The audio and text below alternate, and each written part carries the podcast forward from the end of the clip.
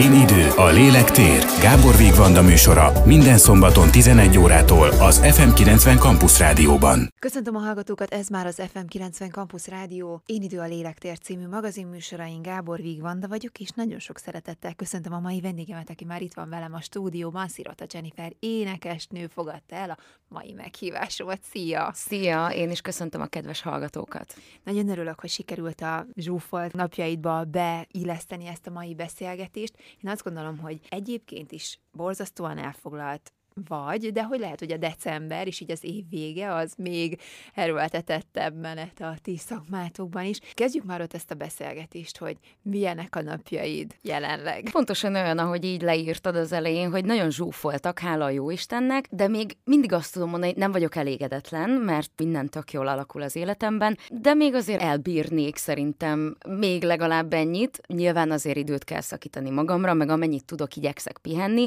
Igazából azért lettek még sűrűbbek a napok így decemberben is, mert hogy most szeptemberben kezdtem el tanítani a Debreceni Roksuliban éneket, és, és ez így azért kitölti a hétköznapokat is. Menjünk már oda, amikor te elkezdtél tanulni énekelni, mert hogy amikor megismert Magyarország, akkor igazából most is nagyon fiatal vagy, de hogy akkor még fiatalabb voltál, neked hova megy, hova nyúlik vissza az ének szereteted? Én úgy tudom, hogy te hamarabb tudtál dúdolni, mint mondjuk beszélni. Így van, ez nagyon pontos információ velem kapcsolatban. Egyébként nagyon durva, mert pont ma reggel jutott eszembe, hogy valamiért így bevillant, hogy ugye volt nekem egy X-faktoros korszakom is, és annak már gyakorlatilag 13 éve. Úgyhogy ez így, ez így nagyon durva, hogyha belegondolok, mert hogy, és akkor elkezdtem visszagondolni arra, hogy mi történt mondjuk az elmúlt 13 évben, nyilván nagyon tartalmas volt, de ugyanakkor meg így tele voltam kérdőjelekkel, hogy hogy repült el így az idő. És csak 2010-ről beszélünk. Így van, így van. És amit most lett volna. Így van. Úgyhogy, de egyébként visszanyúlva, és visszakanyarodva egy picit a, a kérdésedhez, én ugye 11 éves voltam, amikor elkezdtem énektanárhoz járni Nyíregyházára, sőt, még visszább megyek inkább, most egy picit így belekapkodok mindenbe, de hogy igen, ez az információ valós, hogy igazából hamarabb dúdoltam már, mint hogy megszólaltam volna, már mint hogy beszélni tudtam volna. Valószínűleg édesapámnak köszönhetően is elsősorban, mert hogy ő is zenész, és neki köszönhetően Deák Bill Gyula, Révész Sándor, Keresztes Ildikó és társai muzsikáin nőhettem fel, és hát mi nyilván sorolhatnánk, de hála jó Istennek nagyon minőségi zenevet körül már akkor is, és hát ezt már akkor lehetett tudni nagyon-nagyon pici koromba, hogy valószínűleg nekem is közöm lesz a zenéhez, és hát ahogy teltek az évek, ez egyre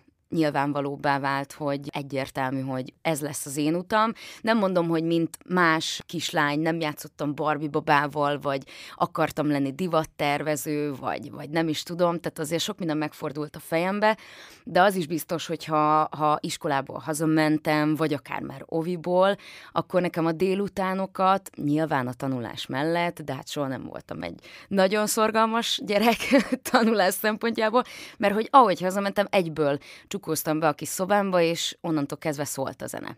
Órákon keresztül, és a gyakorlás töltötte ki a, a délutánjaimat. Szóval valamilyen szinten már annyira tudatos voltam akkor is, illetve tudatosan készültem mondhatni arra, amire még akkor amivel még nem is voltam tisztában, hogy Isten igazán mit szeretnék, csak azt tudtam, hogy a zenével foglalkozni. Ezzel kapcsolatban ez a minimum, hogy akkor, akkor gyakorlok és időt szánok magamra, és erre az egész dologra, és hát nyilván ennek lett eredménye. Nagyon sok egyébként helyi tehetségkutatóban is részt vettem, Nyíregyházán, Debrecenben, stb. itt a környéken, azokat a lehetőségeket kihasználva, amik akkor adottak voltak. Most kanyarodnék vissza oda, hogy 11 évesen kerültem Nyíregyházára dr. Báhidiné Maróti Magdolnához, aki úgymond a szárnyai alá vett, és akinek a mai napig nagyon-nagyon hálás vagyok, hiszen ő indított el gyakorlatilag ezen az úton. Ott indult minden, tehát hogy ott kezdett komolyabbá válni ez a dolog. Ebben a műsorban is nagyon sok kiváló, tehetséges művész szel sikerült beszélgetnem, és azért többen mondták azt, hogy hát mindennek örültek volna a szülő, csak annak nem, hogyha egyébként marad ezen a művészi pályán, mert hogy valami egyéb szakmát gondoltak el nekik.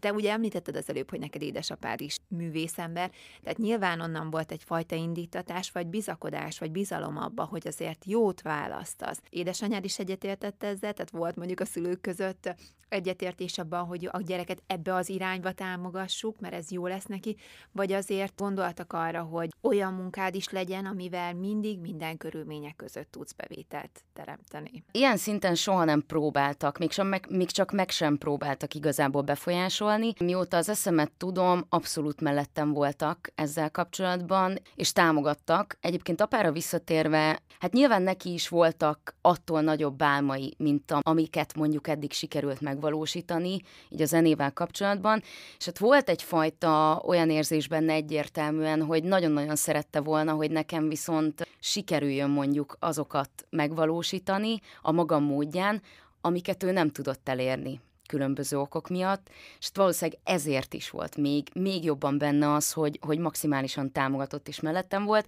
Szoktunk egyébként ezen nevetgélni, hogy anya kakuk tojás ilyen szempontból a családban, mert hogy ő Hát nagyon jó a hallása, szóval ezt, ezt nem kérdőjelezhetjük meg, viszont soha nem foglalkozott úgy a zenével, mint mi. Ő volt az, aki viszont megteremtett mindent annak érdekében, hogy anyagilag és minden más téren tudjanak engem támogatni, mert hogy nem, nem egy gazdag családból származom egyébként, és anya tényleg nyilván apa is, de hogy anya volt az, aki nagyon, nagyon ott tartott mindent kézben, és hát nagyon-nagyon hálás vagyok nekik, mert tényleg a szinte mondhatni a nincsből teremtettek nekem lehetőségeket, hogy tudjak járni Nyíregyházára, mert én nyírmadai vagyok, tehát az nekünk egy olyan 45 kilométer, be tudjak járni órákra heti többször, kórus próbákra, magánórákra egyaránt, úgyhogy anya volt az, aki ilyen nagyon-nagyon biztos támaszként ott volt még mindemellett, hogy, hogy apa viszont így zenei téren tudott engem támogatni, szóval hát elég kis összetartó család vagyunk minden téren. Említetted az előbb, hogy nagyon sok helyi tehetségkutatóban vettél részt, és ugye ez a 2010-es X-faktor is végül is egy megmérettetés volt a te zenei munkásságodban vagy karrieredbe, amikor ugye végül is volt egy pont, ahonnan már nem tudtál tovább jutni, akkor ez neked milyen érzés volt? Hogyan tudtad ezt mondjuk feldolgozni? Egyébként utána nyilván egy másik tehetségkutató, országos tehetségkutató műsorba teljesen a végéig sikerült menetelni. Igen, igen. De hogy én azt gondolom, hogy ezekkel a versenyhelyzetekkel végül is egyrészt egy nagyon jó rutinra tehettél szert, másrészt talán megtanultad azt is kezelni, amikor mondjuk nem feltétlenül éred el a legmagasabb pontot, de hogy, hogy ez is egy ilyen jó kis lélek tréningező történet.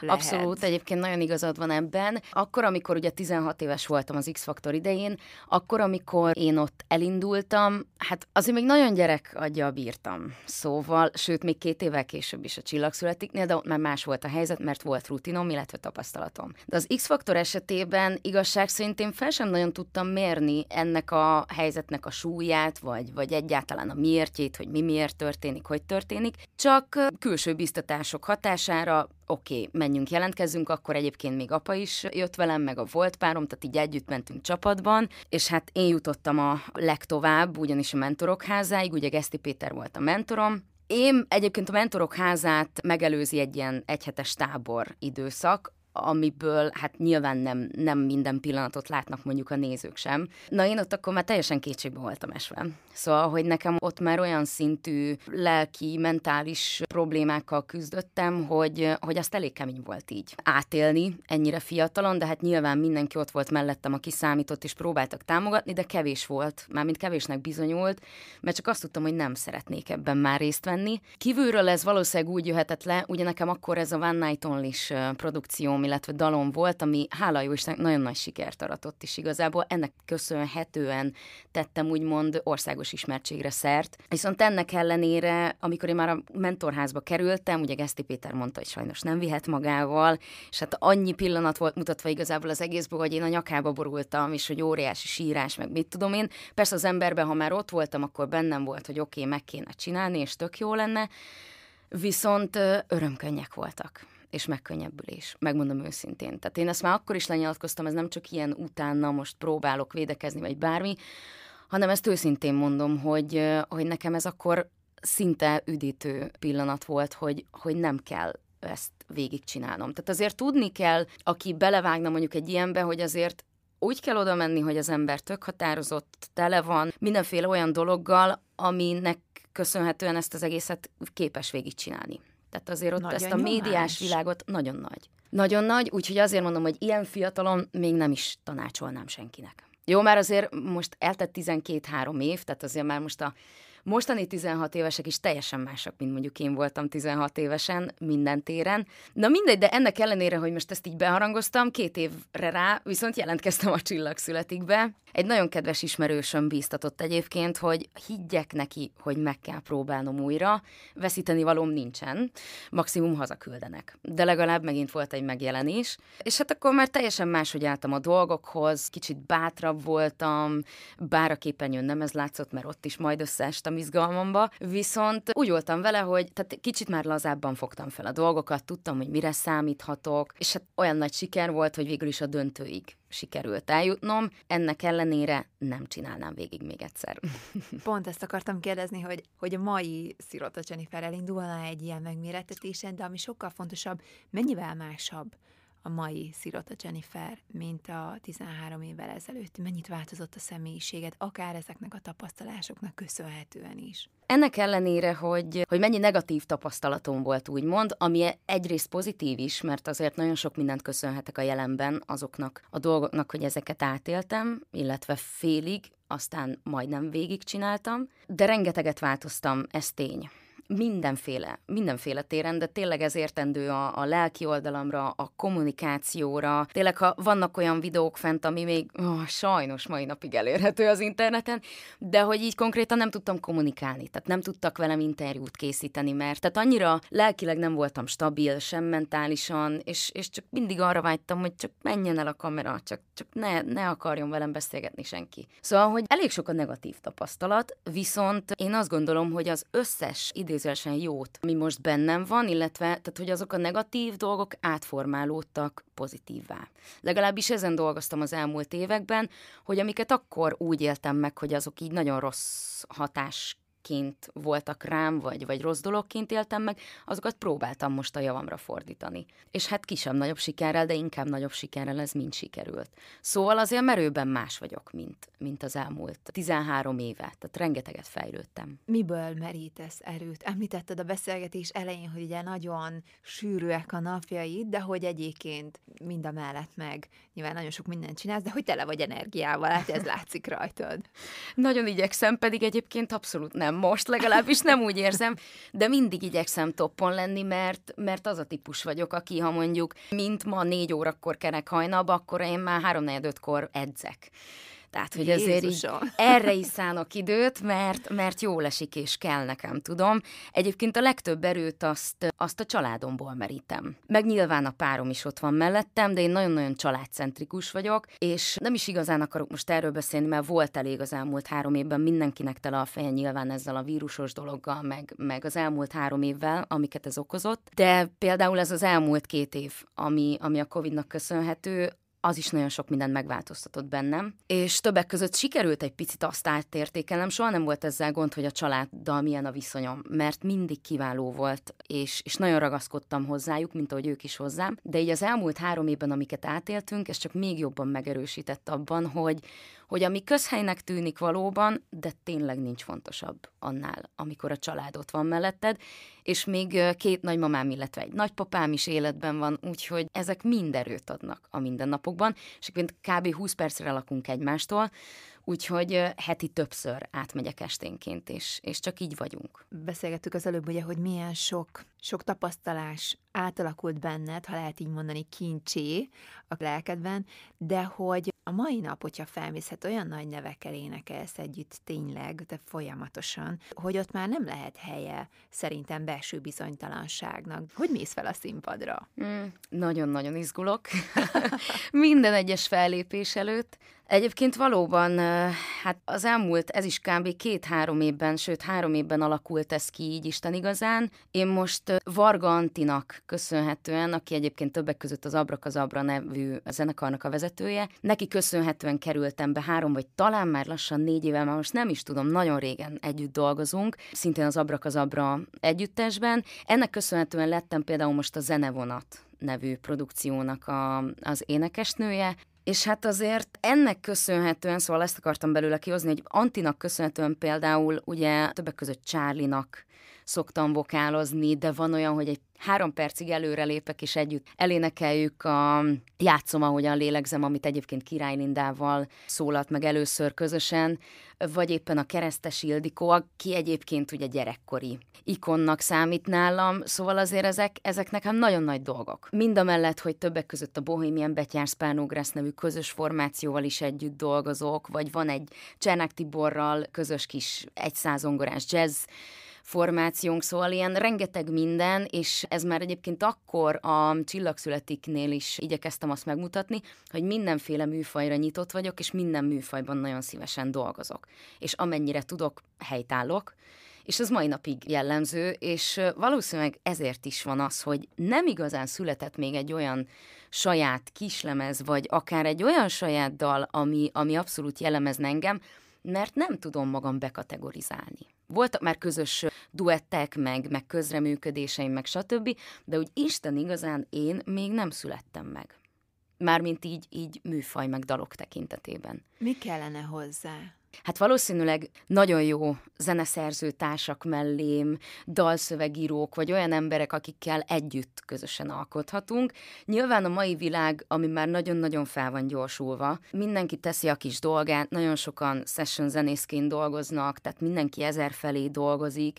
Azért régen még, és nyilván nem akarok félrebeszélni, tehát mai napig adottak zenekaroknál azok, hogy így összeülnek, meg alkotnak, stb. De én azt veszem észre, például abban a körben, amiben én mozgok, hogy tényleg ez van, hogy mindenki szertágazóan száz felé dolgozik, és ez a nincs az, hogy akkor mostantól mi vagyunk egy kis, kis csapat, és akkor oké, okay, szombat este üljünk le, és akkor hajnalig megy a gemelés, és majd megszületik valami tök jó dolog ebből.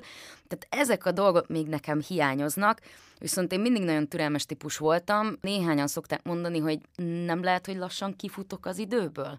És lehet, hogy van benne valami, de, de mégis azt gondolom, hogy én mindig mindig bíztam a belső hangjaimban, a megérzésekben, a jelekben, a nem tudom, most nem akarok ebbe belefolyni, de én mindig bíztam abban, hogy minden eljön majd a maga idejében. És én annak örülök, ami most van, mert rengeteg jó dolog van körülöttem, rengeteg nagyszerű zenésszel dolgozok együtt, és ettől többet egyenlőre nem kívánhatnék a többi meg majd, majd egyszer csak megérkezik. Nagyon érdekes, de én tudom, nem akarsz arról beszélni. Mégis menjünk már be a jelekbe vissza. Be, belemehetünk, én imádok ezekről beszélni, csak nem, nem tudtam, hogy meddig mehetünk el. Nem, engem ez borzasztóan érdekel, hogy milyen a, a világlátásod, milyen gondolataid vannak, ha nehézség adódik az életben, akkor azt hogyan éled meg, mit gondolsz róla, mondjuk már, hogy az miért történik, vagy, vagy milyen kapcsolatod van más emberekkel, hogyan nézed, fogadod, ítéled el, vagy meg őket. Mert ez mind a, a te kis személyiségedet uh-huh. tudja jelképezni. Igen, hát érdekes és mély dolog ez igazából.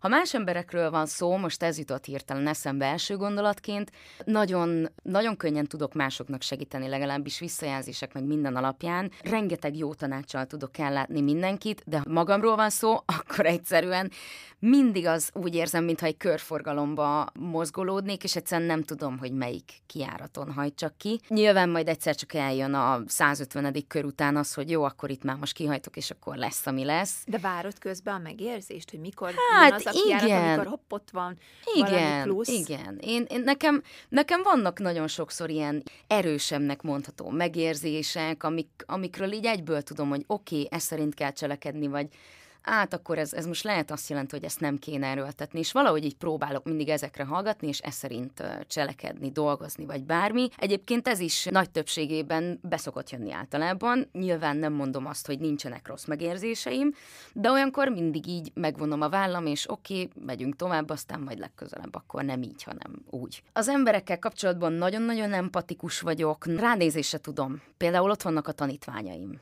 akikkel azért így, így pár hónap után már eléggé kezd elmélyülni a kapcsolat, már ahogy belép az ajtón, már nagyjából így tudom, nem is kell neki mondjam, mert nem szoktam ezt senkivel firtatni, meg lelkizni, de én már kb. ránézésre tudom, hogy akkor most ezt hogy kell alakítani, ezt a 45 percet, hogy ez most neki jó legyen. Szóval, de szerintem egyébként, ha így bele akarok egy picit még jobban folyni, ez lehet, hogy még a, a, a családdal való jó kapcsolatomból adódóan is alakult ez így ki bennem, hogy annyira mély volt gyerekkorom óta a kapcsolatunk, annyira, egyébként apa is ilyen nálunk, tehát ő, ő ez a nagyon lelkis. Anya inkább már ez a karakánabb, határozottabb. Racionálisabb akkor Igen, ő. igen, apával vagyunk azok, akik egymás vállán sírunk, ha úgy van bármi jeleneten, vagy zenén, vagy egy-egy megható gondolaton, de szerintem innen is hoztam valószínűleg ezeket a mélyebb, mélyebb dolgokat, amik bennem vannak. Ha olvasol, akkor mit olvasol? A krimit krimi műfajt nagyon szeretem, Agatha Christie egyébként, ami most is ott van a táskámban. Szóval, hogy a krimi áll hozzám egyébként a legközelebb. Egyébként minden evő vagyok könyvek terén is, illetve könyvműfajok terén is, ugyanúgy, mint, mint ami a zenét illeti. De, de ha választanom kellene, akkor inkább a krimi. A gondolkozós krimi, hogy Igen. mi történt, hogy Igen, történt. Azért nagyon ez is szeretek egy ilyen lélekbúvárkodás egy kicsit. Igen, igen. hogy ki lehet az elkövető Agatha Christie-t nagyon sokan szeretjük Igen. szerintem. Nyilván azért kérdezem ezeket, mert akkor valahogy a, például az emberekhez kapcsolódó viszonyodat is, vagy gondolkodásodat is meghatározhatja az, hogy, hogy amikor valaki mond, vagy tesz valamit, akkor tudsz-e mögé nézni? Mi az indítatása? Hogy ezt hogyan kell értelmezni? Hogy lehet, hogy nem bántani akar, hanem hm, az is csak egy jel valamire. Vagy lehet, hogy nem kritika, hanem valami üzenet Mhm. Valahonnan, amit ő neki csak mondjuk közvetítenie kell. Nagyon sokszor volt egyébként velem is, sőt, mai napig megesik, hogy egy-egy olyan pillanatban az ember támadásként él meg dolgokat, amik a másik féltől érkeznek, vagy amiket mond, vagy, vagy tesz, vagy nem tudom, és akkor úgy egyből, hát mondjuk ez jó, egy női mi voltomból is adódik, hogy azért egyből csattanok, vagy bármi, szóval ehhez képest én is tudok ám ilyen lenni, de, de ez is azért az elmúlt időszakban úgy, úgy valahogy úgy kezdek ilyen téren is változni, fejlődni. Nyilván ezzel kapcsolatban is tapasztalni kell rengeteg mindent, meg meg kell élni, hogy rájöjjünk arra, hogy igen, nem feltétlenül úgy gondolta a másik ember, hanem érdemes pár másodpercet rávárni, átrágni magamban, átgondolni, és egy picit mögé látni az ő gondolatainak, vagy egyáltalán az ő ő személyiségének. Szóval öm, ilyen téren is egyre, egyre inkább azt érzem, hogy, hogy tök jól tudok kezelni dolgokat, illetve embereket. Nem mondom, hogy nincs hibám, tehát most nem így akarom beállítani magam, vagy hogy most én vagyok a kuruzsló, belelátó, nem tudom én, benne olvasó, Kis meg... Igen, kis butha, egyébként itt van butha vállamon, nem vagyok buddhista, de imádom, tehát e felé is nagyon nyitok a buddhizmus felé, Milyen de érdekes, hogy ezt szeretek. Említettem meg. Igen, igen. Pedig takarásban van. De hogy, na hát ezek nekem érdekes dolgok. Így, így szeretek ezekbe így picit kutakodni, meg belelátni ezekbe a dolgokba is. Meg ezek, egyáltalán ilyen témákkal foglalkozni. Mhm. Érdekel egyébként a vallás? Vagy, vagy a spiritualitás, vagy egy kicsit úgy, azt mondom, hogy szereted holisztikusabban nézni a világot, mint ami tárgyakban megjelenik? Uh-huh. Nagyon nyitott vagyok erre egyébként. Szeretek ilyen téren is kutakodni, olvasgatni, nézni, hallgatni dolgokat, de szeretek megmaradni a valóság talaján. Inkább ezt mondanám. Tehát, hogy azért bizonyos kereteken belül. Milyen terveid vannak a jövő évre? Már itt az év vége, arról beszéltünk, hogy milyen sok feladat van most, de mondjuk mi várható jövőre szerinted? Vagy mi az, ami terve van? Azt is mondtad az előbb, hogy nem feltétlenül van még kialakulva a te művészi világod, ami csak a tiéd, de mondjuk lehet, hogy ez jövőre meg fog változni. Vagy elindulhatsz ezen az úton is. Igazából én nem is adtam magamnak időt erre, hogy mondjuk most jövőre akkor, akkor. Bár lehet, hogy sok esetben, ha belegondolok, lehet, hogy jobb lenne néha. Valami olyat mondani magamnak, hogy oké, okay, jövő nyára meg kell valósítani. Ilyen szinten önmagam, nem tudom egyelőre ezt mondani. De abban nagyon-nagyon bízom, hogy eh, ha rajtam múlik, akkor megint csak egy nagyon erős év lesz, akár csak a mostani, de bízom benne, hogy egy picit még erősebb. Amennyit én tudok, nyilván megteszek ennek érdekében. A tanítás az ugyanúgy jelen lesz az életemben. Én amikor egyébként ugye Nyíregyházára jártam Magdi nénéhez, akkor én megfogadtam már 11 évesen, hogy egyszer mindenképpen szeretném majd továbbadni azokat a dolgokat, amiket annó tőle tanultam. Úgyhogy nagyon állás vagyok, hogy ez, ez most már így megadatott a, például a Rocksulin keresztül, és hát minden mellett a, a koncertek számára is értem, hogy nagyon bízom benne, hogy ilyen téren is nagyon erős évünk lesz. Volt már, hogy nagyon nehéz volt, pontosan ebből adódóan, hogy rengeteg produkciónak részese vagyok, és hát azért nagyon-nagyon itt is, ott is vagyok, és néha ez már kicsit ilyen, ah, most hová is kell mennem, de, de bírom, mert most kell bírnom, mert fiatal vagyok, úgyhogy hát ennyiben bízom, hogy minden tekintetben nagyon erős év lesz, és hogy továbbra is ott lesznek mellettem a nagymamák, nagypapa, a család, és igazából ennyi, egészség legyen. Ami nyilván megint csak közhely, de, de Az erre is rá, rávilágítottak az elmúlt évek, hogy, hogy ettől fontosabb tényleg nincsen. külföldi lehetőség, valami munka tekintetben, ami érdekelne, vagy szeretnéd kipróbálni magad?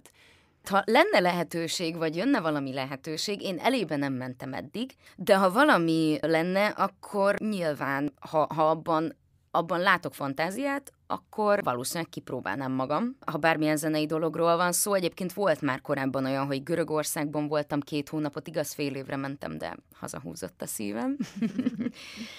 Pedig nagyon izgalmas kis projekt volt ott is, meg hát azért külföldre is járunk, hál' Istennek a, a produkciókkal koncertezgetni, vagy, vagy éppen három-négy egy napos vagy egyhetes turnékra, de ha valami olyan dolog jönne, adja a jóisten, akkor ha abban fantázia van, akkor csináljuk. Ugye most énekesnőként beszélgetünk, Más egyéb a színpadon, ami érdekel? Engem a színház világa nagyon vonzott egyébként, annak köszönhetően is, hogy ugye amikor a, az énekórákra elkezdtem járni Nyíregyházán, akkor nem csak magánórákra, hanem a Hangszín Musical és színi tanodának is a tagja voltam. Nagyon komoly darabokat, a Hertől kezdve az oroszlán király nyomorultak, ilyen nagyon-nagyon jó kis darabokat megcsináltunk, elég komoly szinten. Nagyon sokan voltunk, nagyon sokan jártunk oda, nagyon tehetséges emberekkel voltam körülvéve, szóval nagyon, nagyon minőségi és profi produkció produkciókat állítottunk színpadra, úgyhogy ez a színház világa akkor nyílt ki számomra igazán, meg hát amikor általános iskolában egyszer elvittek minket a Valahol Európában című darabot megnézni, már nem tudom hová, na engem akkor az nagyon-nagyon megérintett, és ez még ugye az énekórák előtt volt, és akkor már elkezdtem nyitni ez iránt a dolog iránt, de utána ez valahogy így el, elvetődött. Aztán, amikor ugye elkezdtem járni, akkor nyílt ki megint a világ. Szóval, ha valamilyen színházi szerepre felkérést kapnék, nem tudom, hogy oldanám meg időbeosztás szempontjából, de nagyon-nagyon boldog lennék, mert nagyon-nagyon nagyon-nagyon érdekel ez a világ. Mit szeretnél továbbadni a tanítványoknak? Említetted az előbb azt is, hogy, hogy eldöntötted már egészen fiatalon, hogy szeretnél továbbadni sok mindent abból, amit te tapasztaltál. És azt is mondtad, hogy ugye voltak nehézségek különböző fronton, amikor te elkezdtél tulajdonképpen ismerté válni. Én azt gondolom, hogy azért azt is nézni kell, hogy nyilatkozni nem ugyanaz, mint énekelni. Tehát, hogy itt annyi összetevője van a ti munkátoknak, hogy miért is kéne tudni mindent azonnal, egyszer pláne egy ilyen tényleg egy 16 éves fiatalnak, hogy akkor most hogy kell profin nyilatkozni, hogy kell profin megrenni, meg még profin is énekeljen, szóval, hogy, hogy ez mégiscsak egy egy ilyen szépen felépített struktúra szerintem, Abszolút. amit egy idő után el lehet élni, de hogy elvárni tőle, hogy már kész, készként érkezzen igen, a igen, színpadra, az, az nagyon-nagyon nagy nyomás. Nagyon.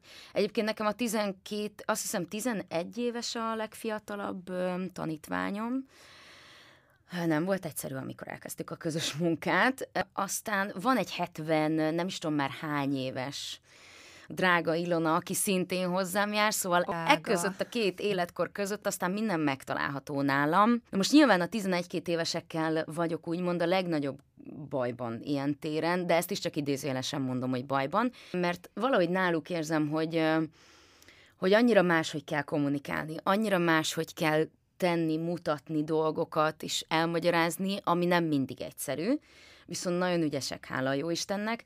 Egy dolgot mindenkinek elmondtam, legyen akárhány éves, hogy én nem szeretnék X-faktor csemetéket nevelni, én nem szeretnék erre buzdítani senkit. Én egy dolgot szeretnék, egy picit abban segíteni, hogy a lelki oldalukat picit pozitívabb irányba formálni. Nincsen gond, hál' Istennek senkivel, tehát nincsenek komoly problémák, csak mondjuk a magabiztosság, a, hogy állunk ki a színpadra, hogy viselkedünk, miként állunk egyáltalán nem blokk a zenéhez, vagy egy énekórához, onnantól, ahogy megérkezel.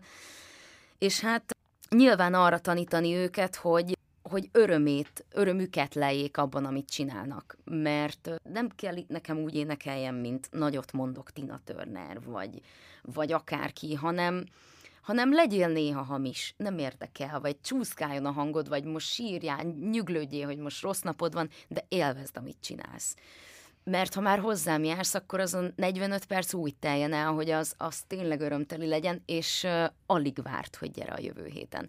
Tehát így, kb. így kezdtük az első órát mindenkivel, hogy uh, hogy én egy dologban bízom, hogy legalább akkora elszántsággal és, és várakozással telve fognak jönni hozzám a, az órákra, amilyen lelkesen én készülök minden egyes alkalommal. Úgyhogy ezért mondom, hogy hál' Istennek tök jól egymásra hangolódtunk, és nagyon jó kis kapcsolat alakult ki közöttünk, Úgyhogy itt nem a, nem a tehetségkutatós fiataloknak a gyártása megy futószalagon, hanem, hanem szeretnék egy picit így a lelkükre is hatni. És nyilván szakmailag is megtanítani nekik azokat a dolgokat, amikre szükségük van ahhoz, hogy, hogy jól tudják képezni, illetve használni a hangjukat.